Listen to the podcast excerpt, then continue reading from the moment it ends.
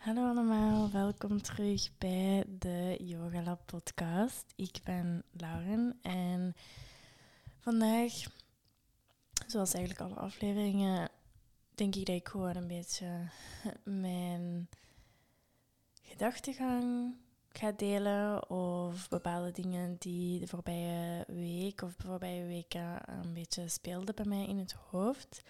Omdat ik het gevoel heb dat in de eerste plaats mij dat heel hard helpt om mijn gedachten op een rijtje te zetten en om sommige dingen gewoon uit te hebben. Want soms zijn we zo gefocust op nadenken en onze problemen op te lossen door ermee in ons hoofd te zitten. En uiteindelijk komt de oplossing niet door erover na te denken. Is het eerder door ofwel iets te doen, door iets los te laten, door, over, door erover te praten, door erover um, te babbelen met vrienden of met iemand anders. Ehm, of door gewoon tegen jezelf te praten, zoals ik hier doe op de podcast. Um, en vandaag wil ik het vooral, denk ik, hebben over hoe we in deze samenleving eigenlijk kunnen vertragen. Hoe dat we in deze samenleving die stappen kunnen zetten naar een iets rustiger levenstempo. Een tempo dat misschien iets beter past bij um, ons. Um, en vooral ook omdat het niet echt evident is om, om die stappen te zetten en om je eigenlijk af te zetten tegen een bepaalde manier van leven die algemeen geaccepteerd is of, of die eigenlijk vrij mainstream is. Um, en ik zelf ben in dat proces al, denk ik, toch wel voorbij zeker zes maanden um, bezig. En er zijn momenten geweest waarbij dat, dat vrij makkelijk ging. Er zijn momenten geweest waarbij dat, dat eigenlijk een heel grote uitdaging begon te worden. En op dit moment voel ik ook weer dat het niet even evident is om altijd bij mijn um, manier van leven te blijven, of de manier waarop ik graag mijn leven zou leiden te blijven. En ik denk dat ik daar niet de enige in ben. ik denk dat als jij, net zoals ik, misschien merkt dat een trager leven of een leven met minder prikkels, met minder informatie, met minder dingen die je moet doen, dat dat gewoon beter past bij jou als persoon, dan zal je misschien ervaren hebben tijdens de lockdowns het voorbije jaar dat er momenten waren waarbij dat je echt dacht van oké, eigenlijk kan ik zo wel e- leven. Er zijn natuurlijk wel heel veel negatieve um, aspecten geweest van die lockdowns en ik denk dat we sommige daarvan nog altijd met ons meedragen. Maar um, als ik terugkijk naar die voorbije maanden, de maanden vooral, um, voorbij, voor mij was dat dan vooral vanaf januari tot april of zo, denk ik, dat ik echt zo mijn weg had gevonden in mijn dagelijks leven, in mijn routine, zonder eigenlijk uh, veel verwachtingen te hebben van buitenaf. En ik merkte dat ik daar eigenlijk wel heel goed mee om kon gaan uiteindelijk. En dat ik me daar heel goed bij voelde. Um, en dat de voorbije maanden, sinds dat alles terug vrij normaal is geworden, dat het soms voor mij een uitdaging is om even de pauzeknop in te duwen, om even te zeggen, oké, nu ga ik tijd nemen voor mezelf en nu ga ik proberen even iets minder te doen, um, omdat ik merk dat ik toch snel terug in dat sneller tempo begin te hervallen. En ik denk dat ik daar niet de enige in ben. En daarom dat ik vandaag ook hier mijn ervaringen wil delen en misschien ook enkele dingen waar dat ik persoonlijk aan wil gaan werken. Of bepaalde tools of bepaalde mindsetveranderingen die ik wil toepassen om terug tot mezelf te komen en terug iets trager te gaan leven. En in het algemeen kan ik wel zeggen dat het tempo waar ik nu op leef niet het gemiddelde tempo is. Dat ik voor mezelf een situatie heb gecreëerd waarin ik heel veel vrijheid heb. Heel veel vrijheid heb om mijn week zelf in te delen, om mijn dag zelf in te delen, om te werken wanneer ik wil werken en om te rusten wanneer ik wil rusten. Maar dat betekent niet dat ik dat altijd doe. Dat betekent niet dat ik altijd die vrijheid neem en dat ik daarnaar leef. Um, als we omringd zijn door mensen die constant um, bezig zijn, die heel hard werken, die eigenlijk het grootste deel van hun tijd besteden aan werken en aan dingen voor andere mensen doen, dan is het niet altijd even makkelijk om om bij ons idee te blijven of om in onszelf te blijven geloven dat hoe dat wij willen leven, dat dat ook mag en dat dat ook oké is. Ehm, dus dat is denk ik waar we het vandaag een beetje over gaan hebben. Ehm, dus als jij jezelf daarin herkent in wat ik deel, dan is deze aflevering zeker iets voor jou. Um, maar dus in het algemeen, hoe kunnen we in deze samenleving de stappen zetten naar een leven of een levenstempo dat beter bij ons past? En daarmee wil ik even ook duidelijk maken dat een trager leven niet voor iedereen moet of is weggelegd, of dat dat de perfecte manier is van leven. Um, ik denk dat we vaak, of dat we snel geneigd zijn om als we ons afzetten tegen iets, om dat dan dat het tegenovergestelde of hetgene waar wij dan voor pleiten, om dat dan weer te gaan zien als het enige juiste of de enige oplossing of de enige manier om het echt te doen. En daar geloof ik ook niet in. Ik denk dat er heel veel mensen zijn die, die de energie hebben en die ehm, de kracht hebben. Kracht is misschien het foute woord, maar de energie hebben en, en gewoon het in, zich hebben om op zo'n snel tempo te functioneren en dat dat net voor hen heel goed werkt. Um, soms denk ik ook dan dat er mensen zijn die dat snelle tempo gebruiken als een copingmechanisme om af te afgeleid te blijven van wat er eigenlijk zich afspeelt in het dagelijks leven, zich afspeelt in hun lichaam, zich afspeelt in hun hoofd. En dan zijn er de mensen die tot het bewustzijn zijn gekomen dat het tempo dat er van hun wordt verwacht, dat het eigenlijk niet goed voelt. En ik ben een van deze personen en ik ben heel lang de tweede, in de tweede categorie geweest. Dus ik ben heel lang ik heb heel lang gefunctioneerd op een vrij snel tempo. Altijd um, proberen de, het beste, mijn best te doen. Altijd proberen ook de beste punten te halen. Of toch meestal. Um, ook altijd heel um, hard proberen werken. proberen voor iedereen goed te doen. Uh, op alles ja zeggen. zoveel mogelijk mensen zien in een week tijd. Verschillende hobby's. En ook met de yogastudio ben ik in het begin ook in dat ritme terechtgekomen en uiteindelijk tot het besef gekomen dat de reden waarom ik daaraan meedoe, de reden waarom ik op zo'n snel tempo probeer te blijven functioneren, is omdat dat heel goed werkt als afleiding. Dat, dat helpt ons om niet te hoeven nadenken over waarom dat we ons op een bepaalde manier voelen. Dat helpt ons om niet te hoeven nadenken over wat er in het verleden is gebeurd. Om misschien niet te zien dat we over bepaalde aspecten van ons leven eigenlijk helemaal niet blij zijn of helemaal niet gelukkig zijn. En dan kan het heel, heel overweldigend zijn om die pauzeknop ook echt in te gaan duwen. Om echt tot stilstand te komen. Want dan kan het zijn dat ineens alles wat we de voorbije jaren hebben proberen wegduwen, hebben proberen negeren, dat dat ineens allemaal ons komt inhalen.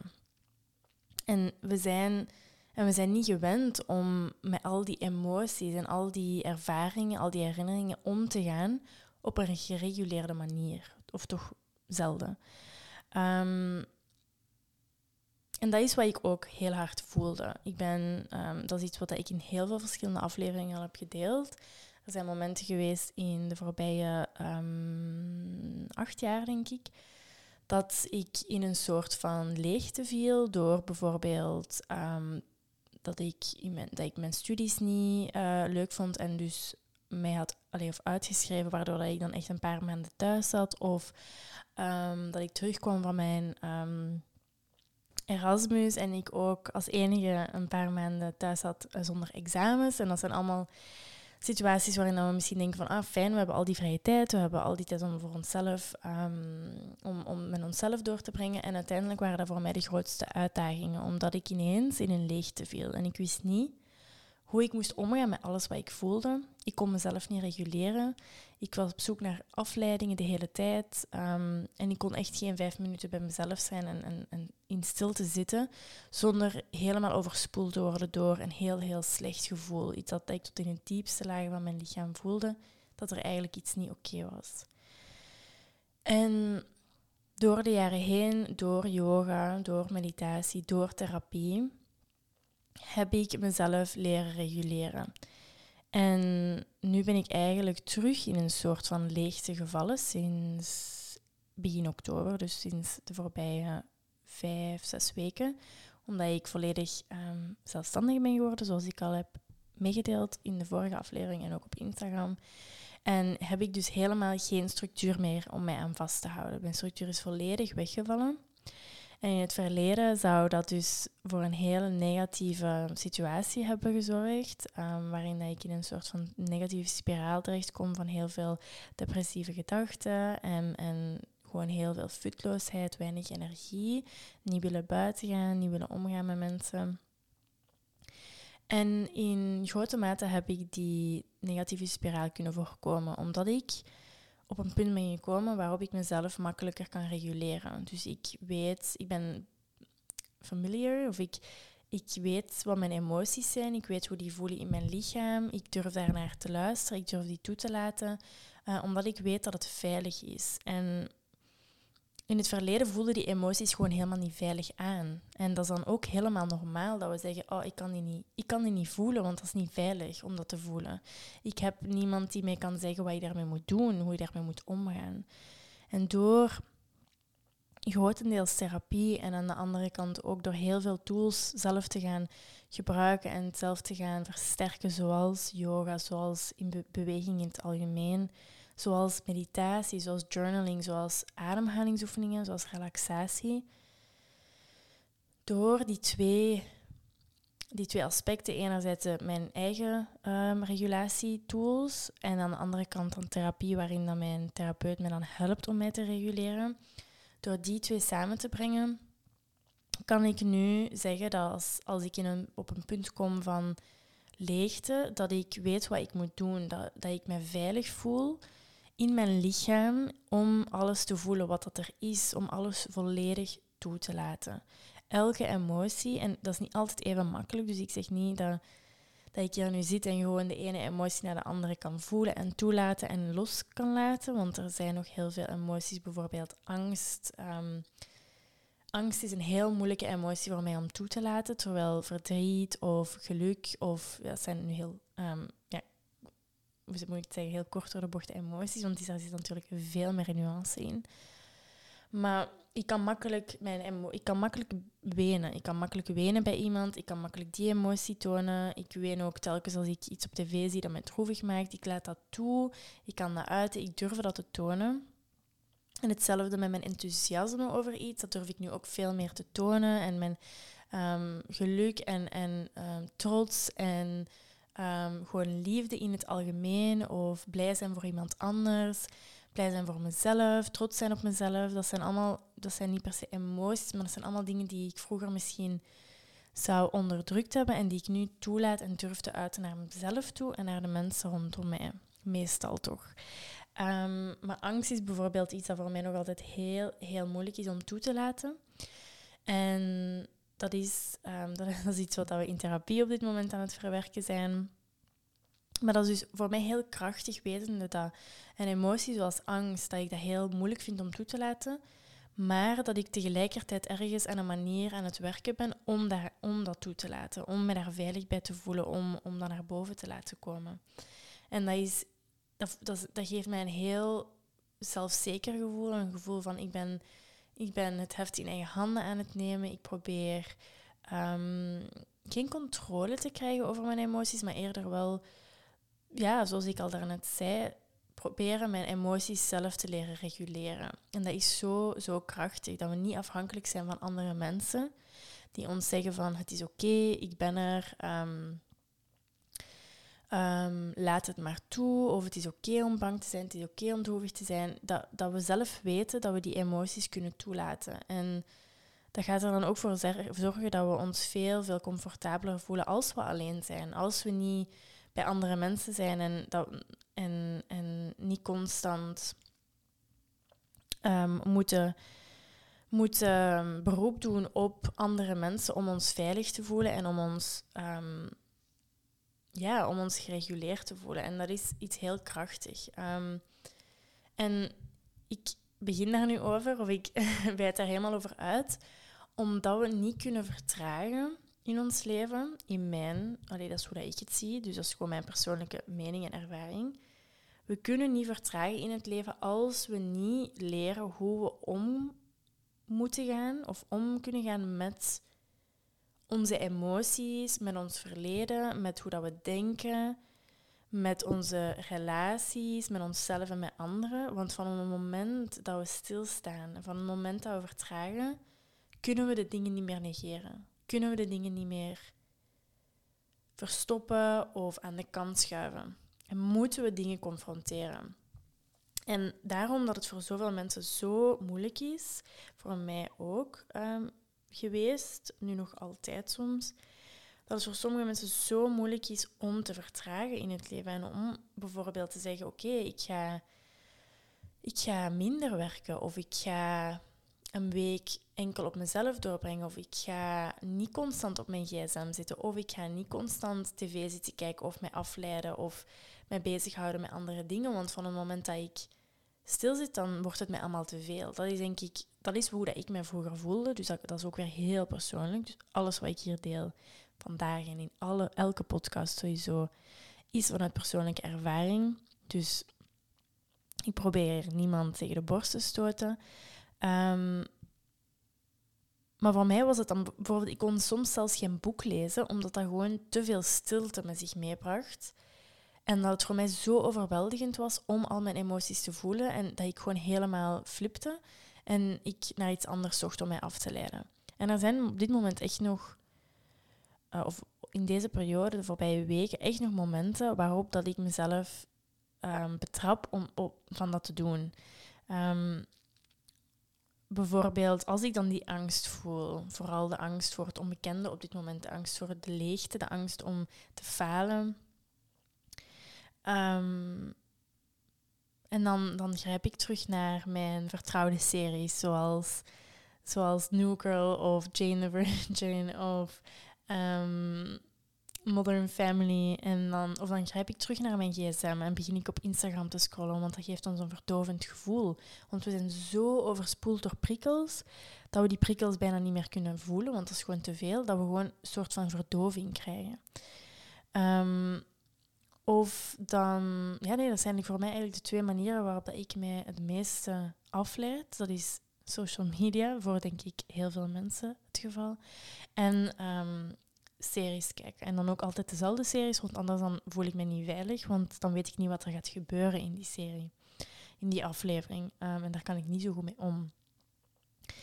Um, dus dat zijn voor mij bijvoorbeeld momenten wanneer ik besef, oké, er is iets dat ik niet durf te voelen, waarbij ik me niet veilig voel. En ofwel kan ik zeggen, ik ga proberen er naartoe te laten door bijvoorbeeld te zeggen, ik ga um, mijn journal erbij nemen, ik ga dingen proberen op te schrijven of ik ga een voice note inspreken tegen mezelf um, en gewoon even al mijn gedachten een beetje op een rijtje zetten. Of ik ga zeggen, of, ik, of soms zeg ik dan, oké, ik ga een, yin-yoga les doen van een uur en een half of zo. Een heel lange, diepe yin-yoga les om alles, alles toe te laten en alles naar boven te brengen. En er zijn momenten waarbij ik me gewoon niet veilig genoeg voel om dat te doen op mezelf. En dat ik dus mijn vriend nodig heb of vriendinnen nodig heb of mijn um, psycholoog, mijn therapeut nodig heb om met die emoties om te gaan. En dan is het ook oké om soms in die afleiding te blijven. Dat is niet slecht, dat is niet iets wat we onszelf over moeten straffen, waar dat we ons slecht over moeten voelen. Soms zijn dat gewoon mechanismes of manieren geworden waarop dat we onszelf veilig verhouden en waarop dat we onszelf in een staat van um, controle houden. Dus dat is heel normaal en ik probeer mezelf daar ook niet te veel over te shamen. Soms gebeurt dat nog wel. Um, maar nu ben ik weer helemaal hierover afgeleid. Maar dus, zoals ik al zei, de, de, reden waarom dat ik denk dat het zo moeilijk is voor, voor onze samenleving in het algemeen om te vertragen, is omdat we dan gaan zien wat er mis is. Um, niet alleen in ons leven, in ons lichaam, um, uh, in onze directe omgeving, maar ook in de wereld in het algemeen, in de samenleving. dan zien we wat er allemaal misloopt, alle vreselijke dingen die er gebeuren op een dagelijkse basis als we niet weten hoe we daarmee moeten omgaan en als we niet weten hoe we positief in het leven kunnen blijven staan of hoe dat we kunnen genieten van de kleinste, kleinste momenten, van de, van de manier waarop dat de zon ondergaat, van de bladeren die van kleur veranderen, ehm, van de zon die op een bepaalde manier binnenvalt door het raam en op het bed valt, of de koffie in de ochtend, of een goed boek, of een bepaalde geur. En dat zijn nu allemaal heel specifieke dingen die ik opnoem, omdat die mij enorm veel deugd kunnen doen. Maar als we niet onszelf aanleren of een manier vinden om, om met de moeilijkere dingen om te gaan of om die een plaats te kunnen geven, dan gaan we ook niet echt de ruimte creëren om die mooie dingen te ervaren. Want van het moment dat we onszelf afsluiten voor al het slechte, gaan we ons ook afsluiten, afsluiten voor al het goede. Um, dat is iets wat ik heel hard heb ervaren of dat, dat ik heel hard in de praktijk heb gevoeld. Dat van het moment dat we bepaalde emoties gaan afsluiten, we kunnen niet, we kunnen niet echt selectief zijn. Of dat is vrij moeilijk. Dus van het moment dat we proberen die, die negatieve, zogezegd, tussen aanhalingstekens, emoties um, proberen buiten te sluiten, dan gaan we tegelijk ook de vrij goede of de heel goede emoties um, uitsluiten. En ik ben in het algemeen een vrij emotioneel persoon, in de zin van dat ik heel veel emoties kan voelen. Ik heb die capaciteit om heel, heel veel en heel, heel diep te voelen. En ik weet dat dat ook niet voor iedereen um, zo is, of dat dat zo hoeft te zijn. Um, maar dus voor mij is het nu van oké, ik, ik weet hoe ik met mijn emoties moet omgaan. Ik weet hoe ik met mezelf moet omgaan. Ik weet hoe ik mezelf moet reguleren. Dus ik kan die eerste stappen zetten naar rust. Kan die stappen zetten naar een trager leven, want ik heb niet per se de neiging om elke minuut van elke dag in te vullen met iets om mij af te leiden. En dat is eigenlijk de eerste stap van een plek te vinden waarin we ons oké voelen in ons lichaam, fysiek en mentaal. Zodat als we in een, in een bijvoorbeeld een lege dag tegemoet gaan, dat we niet per se de neiging hebben om die helemaal te gaan opvullen met dingen um, om ons af te leiden of om ons het gevoel te geven dat we productief zijn of dat we goed bezig zijn of dat we de juiste keuzes maken. Maar dat we ons heel zeker voelen in ons lichaam dat als we een hele dag, stel je voor, niks zouden doen, een hele dag gewoon um, ik weet niet, op een bankje zouden zitten, buiten in de zon, dat we op het einde van de dag ons ook nog even waardig zouden voelen. En dat is niet evident om, om dat te bereiken, omdat we natuurlijk al jarenlang de boodschap krijgen dat als we dingen niet doen, als we niet hard werken voor iets, dan zijn we niet goed bezig, dan zijn we geen goede student, dan zijn we geen goede leerling, zijn we geen goede dochter of zijn we geen goede partner of vriendin. Um, dus we moeten altijd dingen doen voor andere mensen, voor het algemeen in de samenleving, voor ons werk, voor onze werkgever. Um, want anders dan zijn we niet echt waardig als persoon in deze samenleving. Want onze waarde is afhankelijk van wat we produceren of van wat we gedaan krijgen op een dag. En dat, dat idee of dat gevoel, voel, dat ervaren we misschien niet altijd heel direct, maar dat is impliciet wel aanwezig in al onze systemen. In hoe dat onze samenleving is opgebouwd, onze werkcultuur is opgebouwd. Ondertussen is dat ook zich al helemaal beginnen doordringen in, onze, in ons persoonlijk leven. Dat we um, altijd dingen moeten doen met onze partner, dat we altijd dingen moeten doen met onze vriendinnen um, of vrienden. Um, want anders dan hebben we geen goede relatie of geen goede vriendschap. Dus nu ben ik al mijn draad weer kwijt. Ja, dus ik was eigenlijk aan het zeggen dat onze samenleving op zo'n manier is ingedeeld of gestructureerd dat het heel moeilijk is om, om het idee los te laten dat we niet. Of het idee los te laten dat we. Dat, we, dat onze waarde gelinkt is aan, aan wat dat we doen. En aan wat dat we betekenen, kunnen betekenen voor andere mensen. En ik snap dat dat heel moeilijk is, omdat we zo gewend zijn om ook daar eh, waardering voor te krijgen. En we worden daardoor gevalideerd van... Oh, amai, wat doet je, uh, je, doet, je werkt zo hard en je doet dat zo goed. En amai, je werkt zoveel uren. Of amai, je doet zoveel voor je vrienden. Of amai, jullie doen zoveel leuke weekendjes. Of jullie doen zoveel dit en dat en dat. Um, en er wordt niet echt geapprecieerd. Of er wordt niet echt... Um, je gaat geen complimenten krijgen als je bijvoorbeeld een hele dag in, in een boek hebt kunnen lezen. Zonder angstig te worden of zonder stress te krijgen van... Oei, wat moet ik eigenlijk... Zou ik beter niet iets anders aan doen zijn? Er, er liggen nog zoveel um, taken hier in het huis op mij te wachten. Ik moet nog de was doen. Ik moet nog um, het huis kuisen. Al die dingen. Um, daar krijgen we niet echt een beloning voor. En dus we moeten eigenlijk beginnen terugvallen op onze eigen zelfwaarde en het besef dat we niet per se externe validatie nodig hebben en de goedkeuring van andere mensen nodig hebben om te weten wat dat goed is voor ons. En daar moeten we dan ook weer het onderscheid durven maken tussen wat is goed voor ons en wat is goed voor de ander of wat dat we denken dat, dat goed zou zijn voor de samenleving of wat wordt geapprecieerd in de samenleving. En dat is ook niet echt makkelijk, want dat wordt altijd, altijd hebben we al geloofd dat dat egoïstisch is om voor onszelf te kiezen. En dat het egoïstisch is om naar onze eigen noden te luisteren en onszelf op de eerste plaats te zetten. Want, want ons, het, ons concept van een goed mens of een goed persoon houdt voor ons in dat wij ons inzetten voor andere mensen en dat we alles zouden weggeven voor andere mensen of dat we altijd andere mensen eerst zetten. Dat we andere mensen eerst laten eten voordat we ons laten eten of dat we eerst um, ja, dat we ervoor zorgen dat de andere mensen eerst blij zijn en dan pas dat we aan onze eigen noden gaan denken. En als we op zo allemaal denken of als we zo allemaal functioneren, dan gaat uiteindelijk niemand echt echt gelukkig kunnen zijn of echt voldaan kunnen zijn en echt een gevoel van zelfvertrouwen en een gevoel van ehm, ja, geluk in het algemeen, denk ik, kunnen creëren.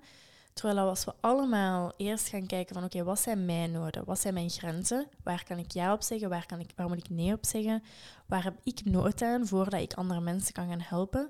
Dan zijn we allemaal, staan we allemaal zo in onze kracht en dan zijn we allemaal zo hier aan het doen wat, waar dat we voor gemaakt zijn, dat we als we uiteindelijk mensen helpen, dat dat soms zelfs automatisch gebeurt. Gewoon door onszelf te zijn, door te tonen aan andere mensen dat het oké is om te zijn hoe dat je bent. En zo andere mensen te gaan inspireren om ook te zijn zoals ze zijn. Um, dus dat is ook weer een heel... Dat is zo complex in mijn hoofd. Um, en ik denk daar graag over na. Uh, dat al die al die, die ideeën, die limiting beliefs, tussen aanhalingstekens, die we, die we hebben in ons hoofd, over wat dat betekent om een goed mens te zijn en wat dat het betekent om een goede vriendin te zijn of een goede dochter te zijn, een goede partner te zijn. Maar heel veel van die concepten hebben eigenlijk geen waarheid in zich. Dat is gewoon hoe dat wij denken dat het moet. Maar als we beseffen dat het ook op een andere manier kan, dan denk ik dat, dat dat, kan zo krachtig zijn. Niet enkel voor onszelf, maar voor iedereen rondom ons. Um, maar dus daar kwam ik dan, daarover was ik dan begonnen om dat even terug kijken naar. Ehm, ja, dus dat we eigenlijk het heel moeilijk vinden om bijvoorbeeld niks te doen, omdat we dan geen appreciatie krijgen van buitenaf. En dat het dus eigenlijk de key is om die appreciatie van binnenuit te gaan creëren en in onszelf te gaan vinden. Ehm, en dat is ook weer niet makkelijk, maar dat is, dat is iets waar ik op de voorbije maanden ook heel hard heb um, aan gewerkt. En niet per se door iets te doen, maar door gewoon meer te durven zijn. En door minder te gaan doen. En door te beseffen van elke dag opnieuw, als ik opsta, ben ik even waardig. Maakt niet uit hoe dat ik de dag afsluit. Elke dag opnieuw verdien ik het beste. Elke dag opnieuw wil ik kiezen voor mezelf. Elke dag opnieuw vind ik het belangrijk om mijn eigen noden eerst te zetten.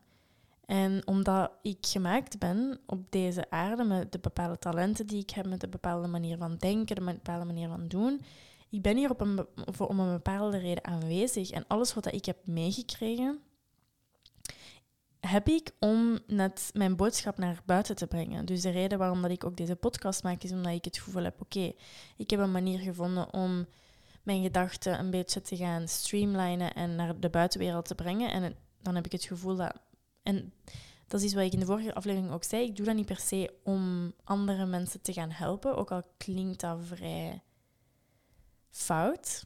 Maar ik ga het toch zeggen, want de reden waarom dat we allemaal doen wat we willen doen uiteindelijk, of waarom dat we dingen doen om die ons gelukkig maken, is omdat dat ons gelukkig maakt, omdat dat ons een goed gevoel geeft. En dat is helemaal niet slecht.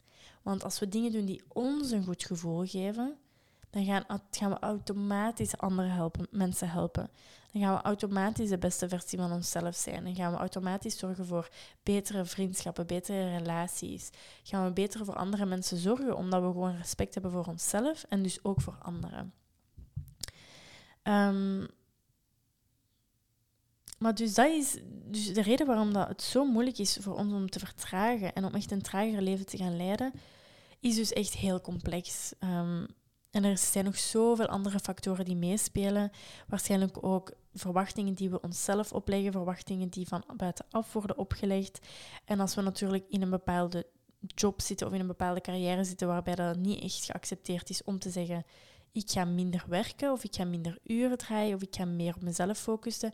Ja, dat is gewoon niet evident. Ik besef ook dat ik die luxe heb om te zeggen dat ik um, bijvoorbeeld op een donderdagmiddag een bad wil nemen. Of om te zeggen dat ik een hele voormiddag ga wandelen. Um, of om bijvoorbeeld deze voormiddag heb ik tot 11 uur in mijn boek gelezen met mijn koffie. Uh, en dan pas ben ik aan de werkdag begonnen. En so, soms durf ik dat niet echt te uiten of durf ik dat niet echt mee te geven, omdat ik ook in mijn achterhoofd die oordelen hou die ik op mezelf dan eigenlijk leg. En dat ik dan ook merk dat soms wel echt van buitenaf komen. Maar ik ben hier niet om andere mensen tevreden te stellen. Ik ben hier niet om dingen te zeggen die mensen een goed gevoel gaan geven. Ik ben hier om de waarheid te verkondigen en om, om mijn waarheid vooral mee te geven. Um, omdat ik ook weet dat er sommige mensen zijn, misschien als je aan het luisteren bent, dat je een van die mensen bent die graag op een andere manier in het leven wil staan. En op een andere manier wilt gaan leven, omdat we ook beseffen dat het systeem van oké, we gaan een job doen totdat we 65 zijn en maakt eigenlijk niet veel uit dat we die job echt niet echt leuk vinden, want daarnaast hebben we dan onze, ons sociaal leven en onze eigen dingen. Ehm, en dan worden we 65 en dan beseffen we eigenlijk, ah ja, oké, ehm, waarom heb ik hier net 40 jaar in deze job gezeten die ik eigenlijk niet zo leuk vond en nu weet ik niet eens hoe dat ik mijn leven wil invullen? Want ik had daar geen ruimte voor de voorbije 40 jaar. Om te gaan uitzoeken wat ik eigenlijk leuk vind en wat ik graag doe. Om mijn creatieve kant te gaan tonen. Om um, vriendschappen op te bouwen. Om relaties op te bouwen met mezelf en met andere mensen. Um, dus mijn. Op, op dit moment ben ik zo al wel ver ergens in deze hele journey dat ik tot het besef ben gekomen dat mijn job mij niet gelukkig gaat maken. Mijn job kan mij gelukkig maken, maar dat, maar dat is niet mijn bron van geluk. Mijn bron van geluk komt van binnenuit. Mijn, mijn geluk komt door oké te zijn met mezelf, door constant keuzes te maken die in lijn zijn met hoe ik me voel en wat ik wil. Door een pad te kiezen dat misschien niet heel, niet heel traditioneel is of niet heel um, verwacht wordt van mij, maar dat mij toch een soort van voldoening geeft. En door te blijven geloven in mezelf en te weten dat, dat ik goed ben in bepaalde dingen en dat ik uiteindelijk wel mijn weg zal vinden. En, en dat ik niet constant mijn, mijn waarde als persoon, waarom, hoe, of mijn ja, waarde als persoon, waarde als dochter, als vriendin, als zus, als um, kleindochter, dat dat niet afhangt van wat dat ik doe. Maar ik ben inherent waardevol en ik verdien inherent mijn eigen liefde en de liefde van andere mensen. En dat is heel moeilijk om te gaan accepteren en om daarnaar te gaan leven, omdat we daar, bij mij is het nu de voorbije 25 jaar dat ik dat heb meegekregen onbewust door gewoon boodschappen van buitenaf en door gewoon de systemen waarin dat we zijn opgegroeid. En om dan heel, dat is eigenlijk heel radicaal door te gaan zeggen, ik moet niks doen om waardevol te zijn. Ik moet helemaal niks doen om liefde van andere mensen te verdienen. En dat, is, dat klinkt soms zo ongeloofwaardig, van ja, maar ik moet toch, um, ik moet toch lief zijn voor andere mensen en ik moet toch zorgen dat die andere mensen mij zien wanneer ze mij willen zien en ja zeggen op de dingen die andere mensen van mij verwachten. En ik moet toch heel succesvol zijn in mijn carrière, want anders gaan mijn ouders niet trots zijn op mij. En heel veel van die dingen liggen eigenlijk gewoon bij onszelf, dat we onszelf dat opleggen. Um, maar dus eigenlijk een hele rant over waarom dat onze samenleving niet gebouwd is of niet gemaakt is om om echt rustiger te gaan leven. En vaak mensen die zeggen van nee, ik doe niet meer mee aan het hele systeem, worden gezien als de outsiders of rare mensen of tussen aanhalingstekens geitenwolle sokken mensen. Um, of mensen die te zweverig zijn en niet in de realiteit leven of niet weten waarmee ze bezig zijn of niet de essentie van het leven snappen of, of gewoon raar zijn. En dan denk ik, ja, misschien zijn die mensen net diegenen die het doorhebben. Die de, wel de essentie van het leven doorhebben. En namelijk, dat is een manier vinden om, om oké te zijn met onszelf, in ons lichaam, in onze geest, op een dagelijkse basis. En niet constant ons geluk in de toekomst leggen. Van als we dit doen, gaan we gelukkig zijn. Als we dit doen, als we dit bereiken, dan pas ga ik tevreden zijn met mezelf, met hoe ik eruit zie, met wat ik doe. En dat is iets wat we, zeker als vrouwen, denk ik, heel, ehm, heel sterk um, of ge, iets dat we heel sterk voelen als we het hebben over ons lichaam. Bijvoorbeeld, hoe vaak heb jij in je voorbije x aantal jaren al gezegd, tegen die datum of, of tegen dan ga ik er supergoed uitzien. Voor die vakantie ga ik zorgen dat ik er zo goed uitzie in mijn bikini. En ik kijk er zo naar uit om me comfortabel te voelen en om um, een strak lichaam te hebben en om sterk te zijn en om er op een bepaalde manier uit te zien. Um, ik, moet toegeven dat ik dat onlangs zelfs nog dacht van, want wij zijn nu aan het plannen. Ik heb een vriend om naar New York te gaan in, um, in uh, volgend jaar ergens. En dan was ik aan het denken van, oh, en daartegen ga ik echt zo de coolste schoenen hebben. En daartegen gaat mijn haar terug langer zijn. Of dan ga ik, um, weet ik veel, dan gaan mijn wenkbrauwen voller zijn. Of rare ideeën in mijn hoofd.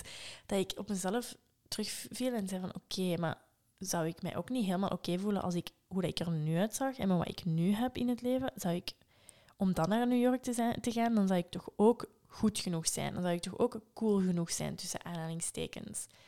Um, en dan besef ik van ja, eigenlijk als ik nu niet com mij comfortabel zou voelen om iets te doen in de toekomst, dan ga ik me op dat moment zelf ook niet comfortabel voelen. Want, want van het moment dat we ons geluk en, ons, en ons, onze tevredenheid over onszelf en over ons lichaam in de toekomst leggen, dat is iets wat dat, dat moment gaat er nooit komen. Dat gaat nooit gebeuren we moeten op dit moment comfortabel raken in ons lichaam en oké okay zijn met hoe dat we eruit zien. Um, want als we ons nu niet comfortabel voelen, gaan we ons ook niet comfortabeler voelen wanneer we die nieuwe paar schoenen hebben, of wanneer dat onze wenkbrauwen voller zijn, of ons haar langer is. Natuurlijk kan dat allemaal wel iets een rol spelen in ons zelfvertrouwen en gewoon hoe dat we ons dat we onszelf mooi vinden of dat we vinden dat we goed uitzien, dat, wil ik helemaal niet, ehm, niet ehm, zeggen dat dat niet zo is. Maar gewoon het gevoel van comfortabel zijn in ons lichaam, dat is iets wat we moeten cultiveren op dit moment. En dat we niet in de toekomst kunnen leggen. We kunnen natuurlijk altijd zeggen van oké, ik wil graag zo uit, of ik wil graag uh, die jas hebben, of ik zou het cool vinden als ik er zo uitzag, of als ik die um, kledingstijl had, of als mijn haar zo die lengte had. En dan kunnen we daar natuurlijk wel um, die dingen gaan kopen of kunnen we naar de kapper gaan. Maar we mogen niet, of we kunnen niet verwachten dat als we die, die dingen doen, dat we ons meer of waardevoller gaan voelen als persoon. Um, dus dat is denk ik voor vrouwen iets wat we heel snel gaan, dat zich heel snel, snel gaat manifesteren in hoe dat we naar ons lichaam kijken en hoe dat we ons in ons lichaam voelen. En ik weet nog in het begin, toen ik pas met yoga begon, dat ik me soms zo oncomfortabel voelde in sommige houdingen, omdat ik voelde dat, mijn, dat ik bepaalde vetrolletjes had die dan tegen elkaar kwamen, of dat mijn buik dan tegen mijn been kwam, of, of dat mijn t-shirt dan in downward facing dat ik naar beneden viel en dan zag ik mijn buik. En, als ik dat, en nu op dit moment denk ik dat ik geen enkele keer, als ik yoga doe, op geen enkel moment iets heb van ik voel mij oncomfortabel in mijn lichaam.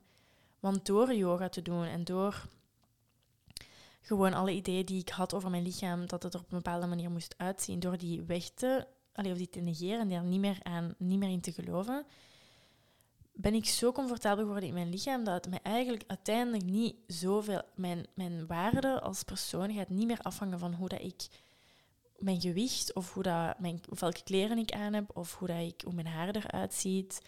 Um, dat kan allemaal fijn zijn om daarmee bezig te zijn. Ik draag graag make-up, ik doe graag mooie kleren aan. Um, ik verzorg graag mijn huid en mijn haar. Maar dat is eerder gewoon omdat ik dat fijn vind en dat me dat een gevoel geeft van verzorging. En ja, dat is een moment om voor mezelf echt te gaan zorgen. Um, maar bijvoorbeeld nu, als ik nu kan ik zelfs makkelijk yoga doen in mijn ondergoed. Of yoga doen in gewoon een sport-BH of, of een, mijn BH en, en een, een um, yoga-legging. En dat boeit me echt heel weinig dat, ik, dat mijn buik niet plat is. En dat mijn lichaam er misschien niet zo uitziet als de traditionele yogi. Of wat we denken dat een yogi er moet uitzien. Of zoals we vaak op Instagram zien. Want dat is uiteindelijk totaal niet de essentie. Dat is niet waarom dat het gaat. Het gaat erom hoe dat we ons in ons lichaam voelen. En dat we niet constant super negatief tegen onszelf praten, alsof dat we minder waard zijn, omdat we misschien een paar kilo zwaarder zijn dan, dan wat dat we denken dat we moeten zijn. Want uiteindelijk ziet niemand er zo uit. Iedereen heeft zijn eigen lichaamsbouw en daar is ook een reden voor. Um, maar bon, dat was even een af, afwijking van het verhaal.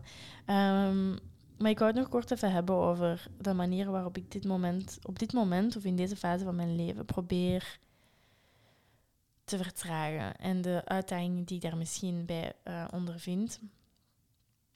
Maar bijvoorbeeld, een, van de manieren waarop ik letterlijk probeer te vertragen is door dingen trager te gaan doen. En door te beseffen dat er geen einddoel is vaak, of dat, dat we bijvoorbeeld dat het bijvoorbeeld ook fijn kan zijn om als we ergens naartoe moeten wandelen, om op tijd te vertrekken en heel rustig te wandelen. Of om, als ik kook, mijn tijd te nemen om de groenten te snijden. En om tegelijk de keuken een beetje opgeruimd te houden, want daar ben ik niet zo goed in. Um, om mijn koffie heel rustig te drinken, mijn ogen te sluiten, proberen alles te voelen. Ook vooral als ik yoga doe, dat is een van de manieren waarop ik letterlijk vertraag. Door proberen al mijn bewegingen trager te maken. En proberen elke sensatie en elke verandering in mijn lichaam te voelen. Om mijn ademhaling te vertragen. Door trager te schrijven. Um, proberen mezelf uit te dagen om soms trager te praten. Want ik kan soms nog wel heel snel praten, omdat mijn hoofd gewoon zo snel gaat. Mijn gedachten zo snel gaan om uit te slapen op um, weekdagen. Bijvoorbeeld deze ochtend tot, heb ik tot kwart voor tien of half tien geslapen. Zonder schuldgevoel, want ik moest toch nergens zijn in de ochtend. Dus waarom zou ik mezelf forceren om om half acht op te staan en dan twee rond te dwalen ehm, en, en mezelf verplichten om achter mijn computer te gaan zitten wanneer ik toch alle tijd heb in de namiddag. Um, en ook bijvoorbeeld wanneer het gaat over mijn yogastudio, van oké, geduld hebben en ideeën die ik heb in de toekomst te durven zetten en niet per se nu te moeten realiseren. Um, daar ook gewoon geduldig in zijn van oké, er komt wel een tijd, het juiste moment zal wel komen om iets te doen. Hetzelfde ook met mijn boeken lezen. Er is geen haast om mijn stapels boeken allemaal uit te lezen, om zo snel mogelijk te lezen, om mijn boek zo snel mogelijk uit te hebben. Um, en gewoon, ja, echt gewoon geduld kunnen hebben van, en het vertrouwen erin hebben van als ik iets wil bereiken, dan zal dat op het juiste moment gebeuren. En dat zal misschien niet morgen zijn, dat zal misschien niet volgende week zijn, dat zal misschien niet volgende maand zijn. Misschien moet ik zelfs een jaar of verschillende jaren wachten om datgene te krijgen wat ik nu zou willen. En dat is niet altijd makkelijk, want we zijn zo gewend om instant beloningen te krijgen of instant te hebben wat we willen, doordat we ook zo snel als we willen dingen online kunnen bestellen. En alles is online, dus we kunnen alles op het moment dat we het nodig hebben. Alle informatie die we willen hebben, kunnen we meteen hebben. In plaats van vroeger moesten we dan, of ik heb dat toch niet echt meegemaakt, maar vroeger als mensen informatie moesten gaan wouden opzoeken, dan moesten ze naar de bibliotheek gaan, moesten ze encyclopedieën gaan raadplegen. Um, alles ging gewoon vroeger trager, omdat de samenleving daar gewoon ook naar, opge of ja, naar, naar gebouwd was of naar georganiseerd was. Um, dus letterlijk proberen, als je, als je kan, als je daar de, de tijd voor hebt, om ochtends misschien niet per se meteen te beginnen aan die to-do-lijst. Of niet per se meteen die gsm te nemen en te beginnen scrollen en berichten te beginnen antwoorden, mails te beginnen bekijken. Um, en in de ochtend echt gewoon de tijd nemen om rustig op te staan, rustig wakker te worden. Um, ik vind het bijvoorbeeld super fijn als ik in de ochtend um, mijn boek kan lezen of als ik een beetje kan journalen, als ik mijn yoga kan doen zonder haast, zonder per se naar de klok te moeten kijken. En ik weet dat dat ook weer een luxe is, maar dat is gewoon hoe dat ik heel bewust mijn leven nu heb ingedeeld. En als dat in de week niet kan, om dat in het weekend te doen, want hoe vaak ik, ik, ik, herken dat heel hard in mezelf. In het verleden ging ik zelfs in het weekend mijn wekker vroeg opzetten, vroeg zetten, omdat ik geen minuut wou verspillen van mijn dag. En als ik uitsliep, was dat verspilling van mijn tijd. Want dan kon ik die dag minder doen. Dan kon ik minder gedaan krijgen, kon ik minder opruimen, kon ik minder van mijn to-do-lijst um, afvinken. En nu denk ik, ja, maar slapen is ook heel, heel waardevol en super nuttig om ons gezond te houden, om ons gelukkig te houden. Want ik, deze ochtend dat ik ook, want de bel was gegaan deze ochtend om half acht of zo. En, maar ik denk dat iemand fout had aangebeld. En ik had zoiets van, oh, ik ben nu toch al wakker, ik ga gewoon beginnen met de dag. Maar ik voelde me nog zo moe dat ik dacht, oké, nee, ik ga terug slapen. Want als ik dan wakker word, dan ga ik me beter voelen. En dat is ook zo. Dan word ik wakker, dan voel ik me beter in mijn lichaam. Dan heb ik ook de zin om een gezond ontbijt te gaan maken, om rustig mijn koffie te drinken, om rustig mijn boek te lezen. Terwijl als we zo gehaast wakker worden, dan is het de toon van de dag vaak al gezet. Um, en een van de dingen dat dat nu ook heel hard in um, toont, is mijn nieuwe membership. Um, als je mij op Instagram volgt, zal je waarschijnlijk al alles over Nourish hebben gezien. Dus Nourish is mijn nieuwe uh, online yoga platform. Dus een platform dat je gewoon um, via de website kan of toegang toe kan krijgen voor maar 20 euro per maand. Even een moment nemen om alles een beetje uit te leggen. Um, maar dus Nourish is iets wat al letterlijk al een jaar in mijn hoofd zit. Want ik was onlangs in mijn Notion, dat is zo mijn soort van online organisatie tool heb ik zo een hele afdeling of een hele uh, tab van brainstorm sessies. Dus momenten dat ik me heel geïnspireerd voelde en dat ik gewoon niet goed wist wat ik ermee moest doen. Dus dat ik gewoon van alles opschreef en, um, en al mijn ideeën een beetje neerschreef. En ik was daar eens door aan het scrollen en ik zag dus dat van november 2020 er een hele um, brainstorm sessie was over een online platform dat focuste op rust en relaxatie. Dus dat is een jaar geleden dat ik met dat idee ben gekomen. En dat is pas vandaag, of deze week, gisteren gelanceerd. Dus het heeft een jaar geduurd om dat echt, dat idee in mijn hoofd ten eerste een beetje te laten marineren. Een beetje te, te kijken wat ik daar exact mee wou doen, zonder daar urenlang aan te zitten werken of na te denken. Ik heb dat gewoon gelaten, dat idee. Dan ben ik daarop teruggekomen. Dan zijn, is dat idee soms terug tot mij gekomen. En dan dacht ik van, ah ja, misschien moet je daar echt iets mee doen, want dat komt vaak terug. Um, en dan proberen mezelf de tijd te geven om dat idee te visualiseren in mijn hoofd, hoe dat eruit ging zien, hoe dat ik het wou in de wereld brengen. En dan ook echt fysiek beginnen plannen. Oké, wat wil ik op dat platform zetten? Wat is het idee daarachter? Dan de video's opnemen. Daar heb ik ook, denk ik, wel een paar maanden over gedaan om die allemaal opgenomen te krijgen. Um, dan een fotoshoot plannen, de wachten op de foto's ervan. Ook met iemand samengewerkt, met Fantina, die ik ook al op de podcast heb gehad, om um, mijn kopie of mijn teksten te schrijven. Um, dan alles in een platform gieten, dat dan allemaal functioneel maken, zien dat dat werkt. Dan mijn Instagram-foto's uh, en zo maken. Dan uh, een datum vastprikken dus dat is een heel lang proces geweest. En ik, op dit moment is het dan nu zo'n beetje de big reveal van oké, het is er nu, wat gaat er gebeuren, hoe gaat erop ge, uh, gereageerd worden. En dat is niet altijd even makkelijk om um, dat los te laten of zo. Of om nu gewoon te beseffen, oké, dit is al het werk dat ik heb gedaan. En nu is het aan het universum of aan de grotere kracht van, buiten, van buitenaf, of die eigenlijk ook al van binnen zit, um, maar dat is een ander verhaal, um, om dan de juiste mensen tot mijn platform te krijgen, om de mensen die het nodig hebben of die, voor wie het uh, een waardevolle toevoeging aan hun leven kan zijn, om die richting het platform te sturen.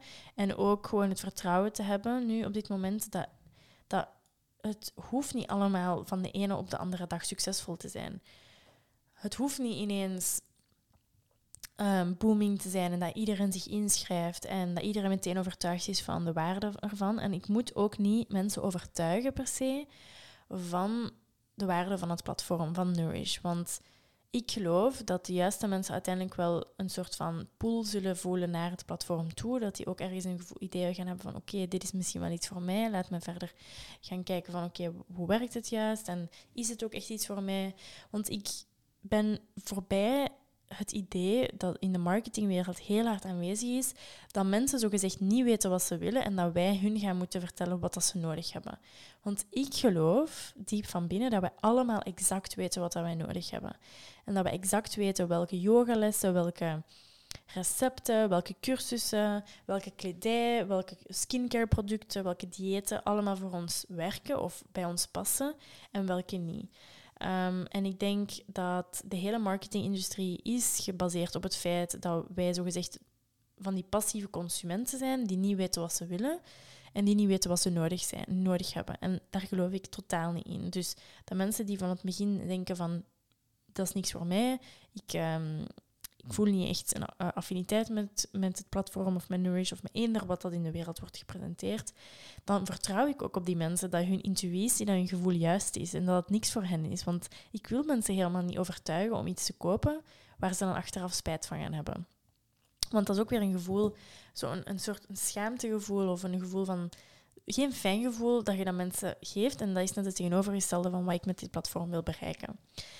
Um, dus deze hele membership, deze hele lancering van de membership is weer een, een beproeving van mijn geduld en mijn vertrouwen in mezelf, dat uiteindelijk het wel allemaal op zijn poten terecht zal komen, als dat mijn uitspraak is. um, ik, voor als je nog niets hebt gehoord over het platform en als dit de eerste keer is dat je erover hoort, zal ik gewoon heel kort, zo kort mogelijk, een uitleg geven over het platform. Dus Nourish is een slow down yoga membership. Dus dat is eigenlijk waar dat we kunnen werken aan die tools waar ik het vandaag over heb. Die tools om durven onze emoties toe te laten, om te leren onszelf te reguleren. En zo eigenlijk die eerste stappen te kunnen zetten naar een iets trager leven. En ik doe dat aan de hand van, van de vier um, basiselementen die mij enorm hebben geholpen in de voorbije zes jaar. En dat is yoga, vooral zachte bewegingen en yin-yoga. Dan meditatie, relaxatie, of yoga nidra um, kan je het ook noemen. En dan ademhaling, ademhalingsoefeningen. En dat zijn voor mij de vier, vier pilaren om ons lichaam ten eerste te ontprikkelen om ons lichaam, ons zenuwstelsel in balans te brengen en bestendiger te maken tegen stress en tegen prikkels die van buitenaf komen. En zo, en zo die eerste die, die ruimte eigenlijk te creëren, zodat we die pauzeknop durven in te duwen en dat we ons niet onveilig voelen en dat we niet helemaal gedereguleerd raken als we de pauzeknop gaan induwen. Dus eigenlijk een soort van ondersteuning, een platform waar je altijd naar terug kan komen um, om, om die weerstand een beetje te gaan opbouwen, om die basis te gaan versterken en om vooral te leren jezelf te reguleren. Want op een bepaald moment is het dan ook mijn bedoeling dat je je tools hebt verzameld, dat je weet wat dat je moet doen, hoe dat je dat allemaal um, mee aan de slag moet gaan, dat je mij of mijn platform of mijn yogalessen niet meer nodig zou hebben. Natuurlijk mag je daar altijd naar terugkomen. Hè. Ik ga niemand de deur wijzen. Maar dat is eigenlijk mijn bedoeling, zodat je leert luisteren naar je lichaam, dat je die signalen leert herkennen en daarnaar leert handelen. En dat je vooral ook beter leert omgaan met alles wat er zich van binnen afspeelt. Al die emoties, al die gedachten, al die al die verwachtingen, al die ideeën die we hebben over onszelf en over de samenleving, om die te gaan durven bekijken en om daar te durven mee uh, in interactie te gaan.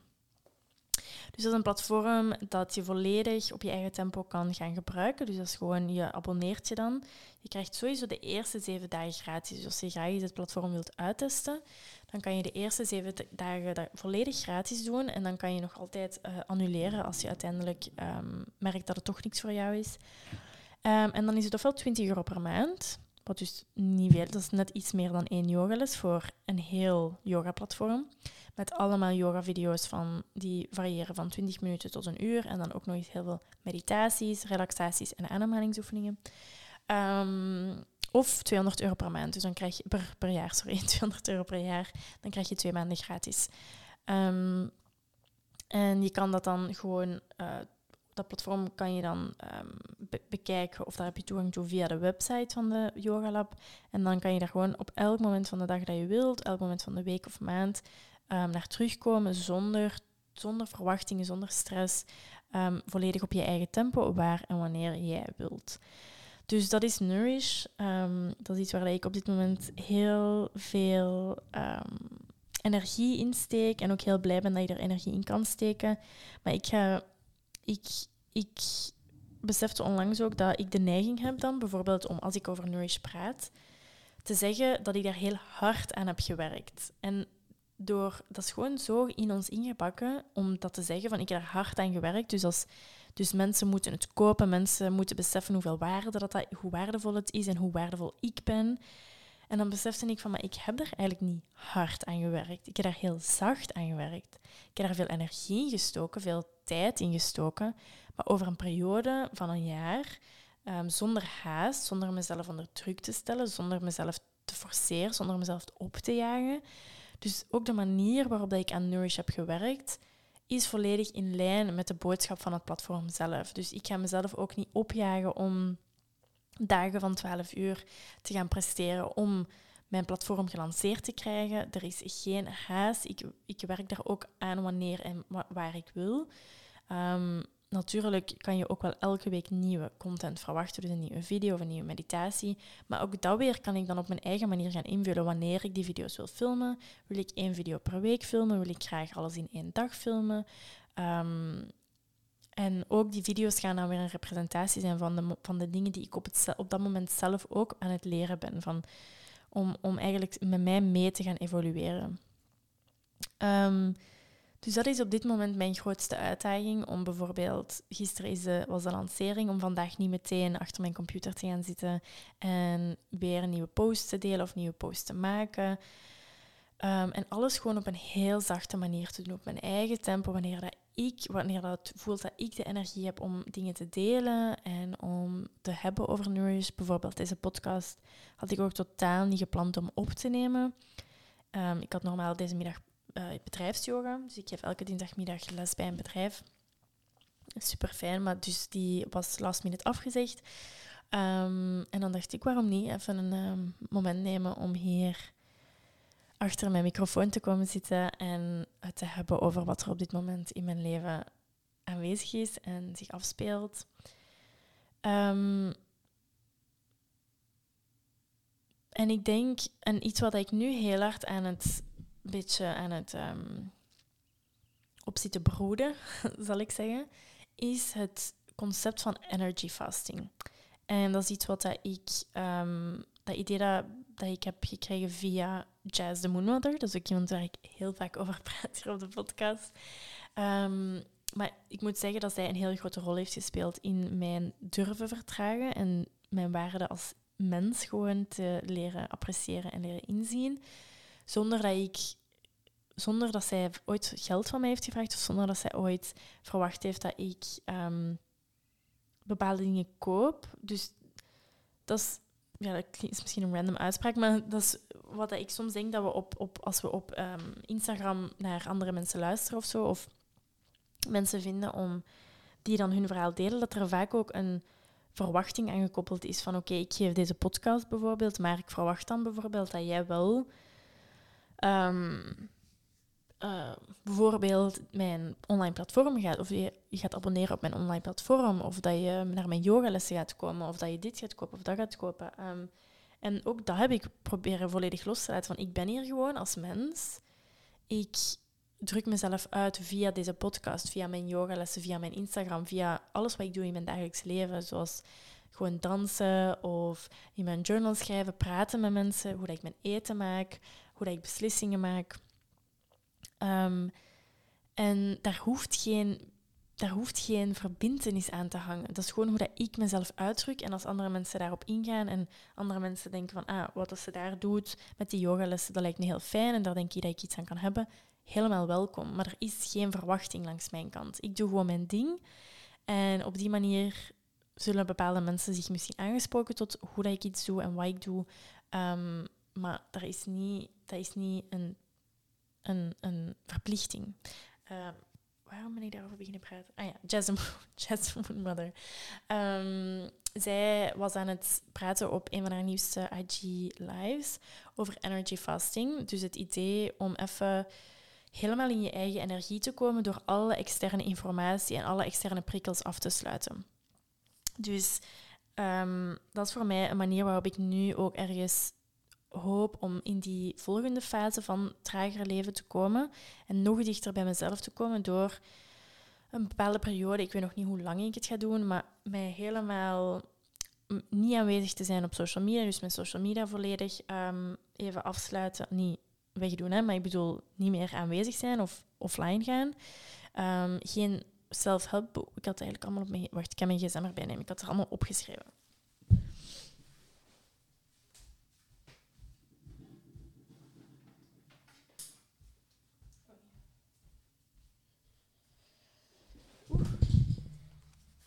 Oké, dus ik was onlangs ergens... Te, ik was ergens aan het wachten op iemand en ik had ineens dat idee. Um, dus wat ik hier had opgeschreven over energy fasting, over hoe dat ik het wil aanpakken en waarom. Um, ik had hier geschreven...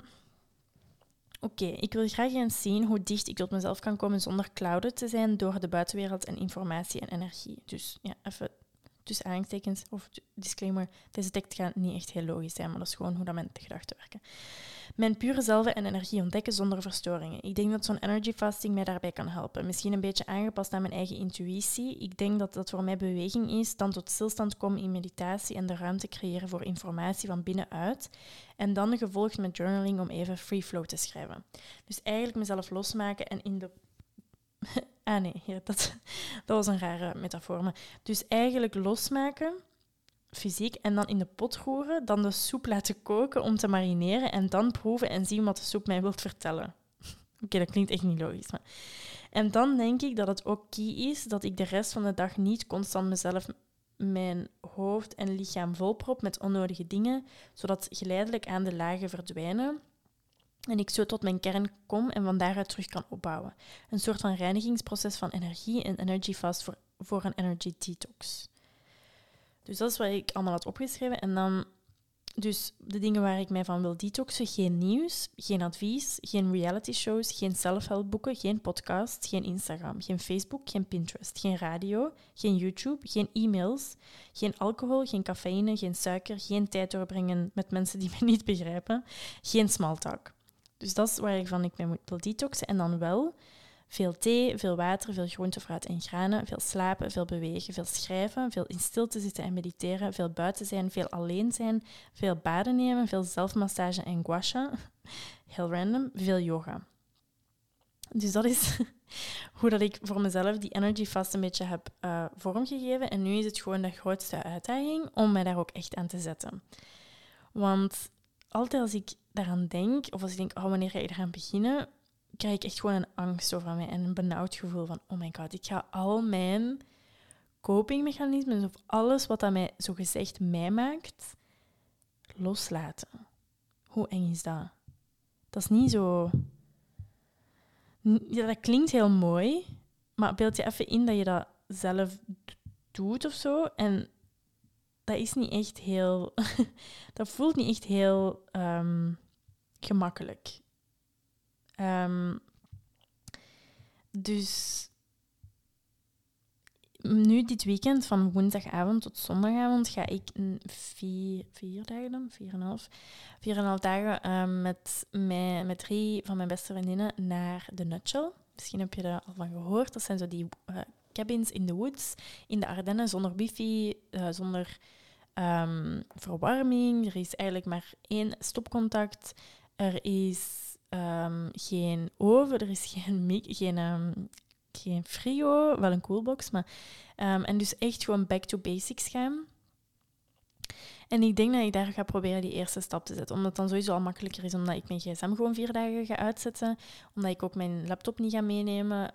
dus ik ga sowieso niks van social media gebruiken, niks van YouTube kijken, geen podcast luisteren, um, nieuws niet kijken, dat doe ik eigenlijk sowieso al niet meer. Ehm, ik ga enkel fictieboeken meenemen. Ik ga geen... Cafeïne gaat moeilijk worden, want ik drink echt wel graag koffie. En suiker ook, want we gingen pannenkoeken maken. Ehm, en alcohol, ja, een glaasje rode wijn s'avonds kan ik wel echt van genieten. Dus ik zal nog zien hoe dat, dat daar gaat. Maar alle andere dingen denk ik wel heel goed gaan gaan. En dat kan misschien zo'n eerste stap zijn. En dan misschien proberen dan nog een paar dagen of een week voor te zetten na die nutshell. Of misschien in december of zo een week of twee weken proberen. Ah ja, wacht, ik ben aan het denken. Ja, misschien in december ook nog eens een week dat dat gaat lukken om te doen. Uh, misschien in de kerstvakantie ook. Maar die, dus ik stel het constant uit, omdat ik dat zo overweldigend vind om te doen. En natuurlijk moet ik ook niet strikt zijn voor mezelf. In de zin van als ik zin heb in een deka koffie in de ochtend, want meestal denk ik toch deca, uh, decafeïne, maar er zit nog altijd wel een beetje cafeïne in. Um, ja, dan is dat zo. Dan is dat oké. Um, dus dat is eigenlijk mijn volgende stap. Een vrij, niet extreme stap, maar wel een, een deep dive into mezelf en de stilte en de reflectie. Eigenlijk een soort van silent retreat, maar dan niet echt door niet te praten, maar door gewoon niks in mij op te nemen. Een silent retreat is iets wat ik ook heel, heel graag wil doen. Misschien volgend jaar ergens in de zomer. Dus ik ben heel benieuwd wat dat gaat opleveren. Misschien is dat wel iets interessants om, om mij een beetje um, notities bij te houden, om dan later er een podcast over op te nemen van hoe dat, dat is verlopen. Of in de loop van de tijd een podcast of zo opnemen. Um, dus als je daar geïnteresseerd in bent, mag je me dat altijd laten weten. Als we dat samen willen doen, dat kan ook natuurlijk. Maar ja, hoe gaat het dan? Want we kunnen niet echt elkaar accountable houden, want we kunnen niet op onze gsm. -hmm. Eigenlijk moet ik gewoon een yoga retreat organiseren, waar dat we allemaal even detoxen van alles. Ik zal er eens over nadenken. Um, goed, ik denk dat ik nu alweer een uur aan het praten ben. Ik snap niet hoe ik het altijd doe. Maar um, ik hoop dat je genoten hebt van deze aflevering. Dat je um, misschien een beetje... Dat is zoals ik altijd zeg. Um, dat ik een soort van erkenningspunt kan zijn. Of een manier waarop dat je zelf, jezelf beter kan begrijpen. Omdat je jezelf herkent in wat ik vertel. en als je nog vragen hebt of, of dingen hebt die je gewoon wilt delen zonder dat er vragen in zitten. Gewoon een statement mag je die mij altijd sturen via Instagram. Vind ik super fijn om die berichtjes te ontvangen. Um, en dan ga ik denk ik iets eten, toen ik honger heb. En misschien nog een beetje in mijn boek lezen. Vanavond heb ik dansles. Ik doe nu al een paar weken raga. Zo'n soort van... Um, ja, ik weet eigenlijk niet wat voor soort dans, maar het is gewoon heel leuk. Ik kan het niet zo goed, maar dat is oké. Dat is gewoon leuk om even uit mijn hoofd te gaan en in het lichaam te komen. Um, dus ja, oké, ik ga jullie, laten. Dankjewel om een uur en zeven minuten naar mij te luisteren en om met mij die tijd door te brengen. Uh, als je nog uh, feedback hebt over bijvoorbeeld Energy Files of daar je daar ideeën over hebt, dan mag je me altijd uh, ook daar iets over sturen. Um, goed, dan ga ik verder met mijn dag. Ik wens je nog een hele, hele fijne dag of avond of week of weekend, wanneer je er ook naar luistert. En dan um, hoor ik je heel graag in de volgende aflevering.